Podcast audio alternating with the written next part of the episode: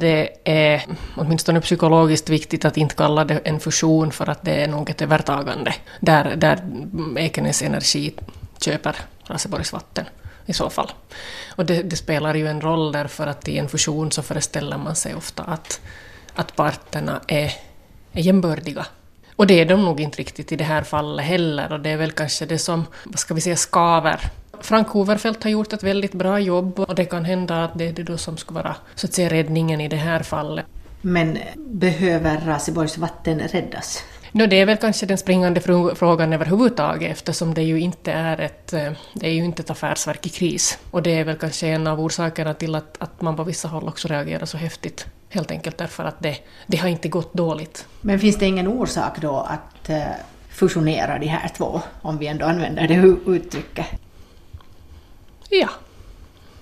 Det finns de som uppfattar att det här skulle göra det lättare att ta hand om investeringar och att det skulle vara lättare att, så att säga, gräva ner rören ihop och att det finns synergieffekter. Och, och i princip fin, är alla, alltså alla de fördelarna är, är möjliga.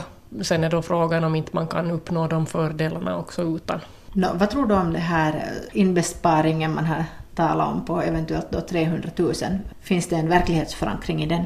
Den siffran bottnar ju i att man vet att medelåldern vid Raseborgs vatten är, är rätt hög, vilket ju ofrånkomligen gör att inom ett antal år så finns det förstås människor som helt enkelt uppnår också den, den absoluta liksom övre, övre åldern för pensioneringar. Men det är klart det att eh, den här siffran 300 000 så baserar sig på att man, att man förväntar sig viss, viss avgång. Hur tänker man inom SFP-gruppen på den här frågan? Det finns företrädare för, för alla åsikter.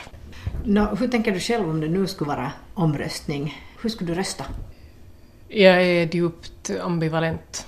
Det finns flera olika aspekter på det som jag inte tycker om. Men jag hoppas att det blir ett beslut.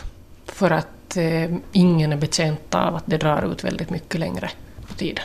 Hur tycker du att den här frågan har skötts? Jag uppfattar att beredningsmaterialet är väldigt fokuserat på finansiering av, av köpet. Man kan till exempel konstatera att, eh, att det nog inte egentligen står särskilt många rader om eh, på vilket sätt det här gynnar kommuninvånare. Tom Törnros gick själv ut i, i tidningen och sa att han äh, är väldigt besviken och att han inte alls är intresserad av en sån här fusion. Vad har du för tankar om det? Han har blivit väldigt eh, häftigt kritiserad för det, men jag tror att man ska uppfatta det som ett, ett uttryck nog för, för, för förtvivlan över att, att ens livsverk ifrågasätts och för att alla, alla de insatser de har gjort under de senaste tio åren inte verkar vara intressanta för någon. Och jag tror också att man helt enkelt får lägga in det att, att från Vattenverkets sida så uppfattar man nog att, att deras röst inte riktigt har hörts.